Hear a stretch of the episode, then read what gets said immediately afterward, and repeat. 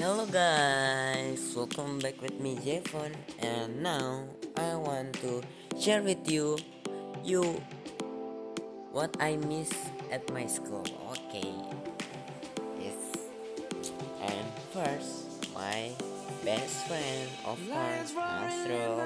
My name, uh, best friend is Hasro. Searching for You know, longer uh, when at school with Hasro, often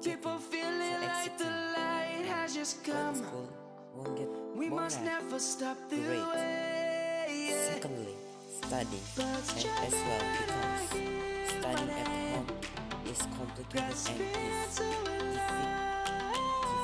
difficult. Life is happy, but Thirdly, honestly, because must merely make a start. it can be club and used to play the game.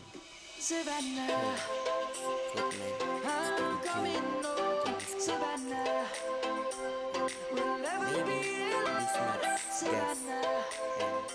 Sayonara.